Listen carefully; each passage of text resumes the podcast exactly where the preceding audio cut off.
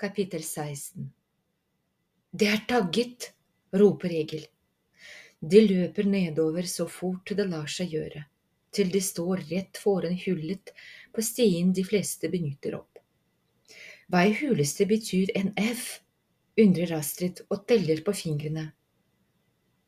A, B, C, D, E, F. F er seks. Det passer jo ikke i noe sted. De dumper ned ved inngangen til hullet. Ingen av dem tar opp maten, det passer på en måte ikke å spise akkurat nå. Egil er den første som sier noe. Vi har tenkt feil. Kanskje det er en forsyningskode, der F ikke er seks, men ni, sånn at alt dyttes tre plasser mot høyre. Alle nikker. I så fall blir L 15, W27 og 117, sier han. Det gir ingen mening. Det gir faktisk så lite mening at hun får lyst til å trampe i bakken og skrike. Akkurat så forvirret føler hun seg. De trodde jo de var på sporet, og da skulle de ikke funnet noe i dag, men i morgen. Og det de fant i morgen, skulle passet med det som de hadde tenkt seg fram til. Yusuf sitter helt stille, så stille som bare han kan være. Pannen vipper fremover, og han virker helt bortreist. Nå har du sikkert bruk for den pyramiden, sier Emma. Han løfter hodet og ser på henne. Hvorfor sier du det? Var det ikke den som skulle hjelpe deg å se alt motsatt? Hva ser du? På meg virker det som om du ikke ser noen ting for du er jo helt stille. Astrid skal til å forsvare ham da øynene deres møtes. La meg, sier blikket hans. Han skynder seg ikke, i stedet ser han ut over landskapet en lang stund. Jeg er stolt av landet mitt, sier han, og jeg tror at pyramidene er viktige, mye viktigere enn det vitenskapsfolk har funnet ut av hittil. Derfor syns jeg pyramiden er fin å ha med seg. Men tenk om det bare er ljug, protesterer Emma. Pyramidene? Ja, de er viktige. Han lener hodet bakover og kikker oppover mot F-en. Folk ljuger, sier han. Pyramidene ljuger ikke. Det er derfor jeg liker å bruke dem som en påminnelse om ikke å ljuge. Emma sier ikke noe mer. Astrid stirrer på Yusuf. Det var noe han sa. Det var noe der Folk ljuger. EF kan det være at EF står for folk, eller et etternavn i bygda. Egil og Emma ramser opp navnet på alle i klassen.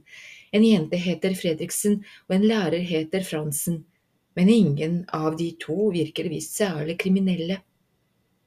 Hvis dette hadde vært et bra spor, ville vi vel hatt bokstaver som passer med F, sier Egil. Sånn som med Scrabble, men ingen av de bokstavene matcher. Det er ikke mulig å lage ord av det vi har. Etter å ha forsøkt å sette sammen ord, tall og finne mistenkelige personer i bygda lenger nok, finner de fram maten. Astrid kikker bort på Emma. Hva kommer hun til å gjøre nå? Uten å se på noen unnskylder Emma seg med at hun må på do. La oss spise inni hullet, foreslår Eger kjapt. Astrid får et inntrykk av at han vil beskytte tvillingsøsteren, men sier ikke noe. Emma forsvinner, og Astrid syns det er ekkelt at hun er alene. Å kaste opp er én ting, men tenk om hun ikke skal på do, men har tenkt å gå ut på en skrent slik som i stad? Yusuf griper hånden hennes og trekker henne med seg nedover. Jeg vil kline med deg inn i fjellet, sier han og ler. Det er det ikke sikkert vi får gjort igjen på veldig lenge. Æsj, kommenterer Regel og forsvinner foran dem ned trappene, som gjør det enklere for folk å ferdes der inne. Astrid får litt dårlig samvittighet, kanskje han føler seg utenfor, men så bestemmer hun seg for at et lite kyss kan jo ikke ødelegge hele turen. Men da de kommer inn i fjellet, glemmer både Josef og Astrid hva de skulle for det er helt sprøtt å stå inni et fjell og se tvers gjennom med Brønnøysund i ryggen og havet på den andre siden. Jeg lurer på de døde, hvisker hun, og blir nesten litt forskrekket selv, for ordene kom liksom før hun hadde tenkt dem. De fløy rett til veggen, sier Egil. Det var tjukk tåke, og så bang. Astrid grøsset. Vet du hvor mange som døde? 36. Det er vanskelig å forestille seg at 36 mennesker har dødd akkurat her de står. Eller ikke inni selve hullet, men like ved, kanskje i fjellveggen der F-en er malt på. Fly, utbryter hun, F kan stå for fly. Det gir mening. Yusuf og Egil nikker. Hun grøsser igjen da et kaldt gufs feier gjennom passasjen. Hun strammer skjerfet og trekker glidelåsen helt opp. Hva om alt sammen har å gjøre med den flyulykken? Hva har ordføreren med den å gjøre i så fall, spør Egil. Eller Steinar Breiflabb? Det har hun ikke noe godt svar på. Bodil Åkra var jo alle glad i. Kanskje taggen på hjertet hennes skulle symbolisere sorg, foreslår Yusuf. Kanskje bokstaven er tilfeldig, at det er en signatur og ikke betyr noe spesielt, men at hjertet er det viktigste. Pulsen øker. Yusuf er inne på noe. Sorg, hjerte, fly, ulykke. Men den W-en passer jo da ingen steder, enda en gang får hun fornemmelsen av at de ser rett på løsningen, men at de ikke skjønner det selv. Hvor er Emma? spør hun. Hun har sikkert falt i tanker, sier Egil. Det er så typisk henne. Plutselig blir hun lei av folk og bare forsvinner. Det med at hun skulle på do, er bare tull. Astrid begynner å løpe tilbake, mens hun håper at Emma er der. Da hun er ved bunnen av trappa, blir hun oppmerksom på noe som står lent inntil fjellveggen på motsatt side av der trappa er. Dette noe ligger delvis skjult fra der hun står.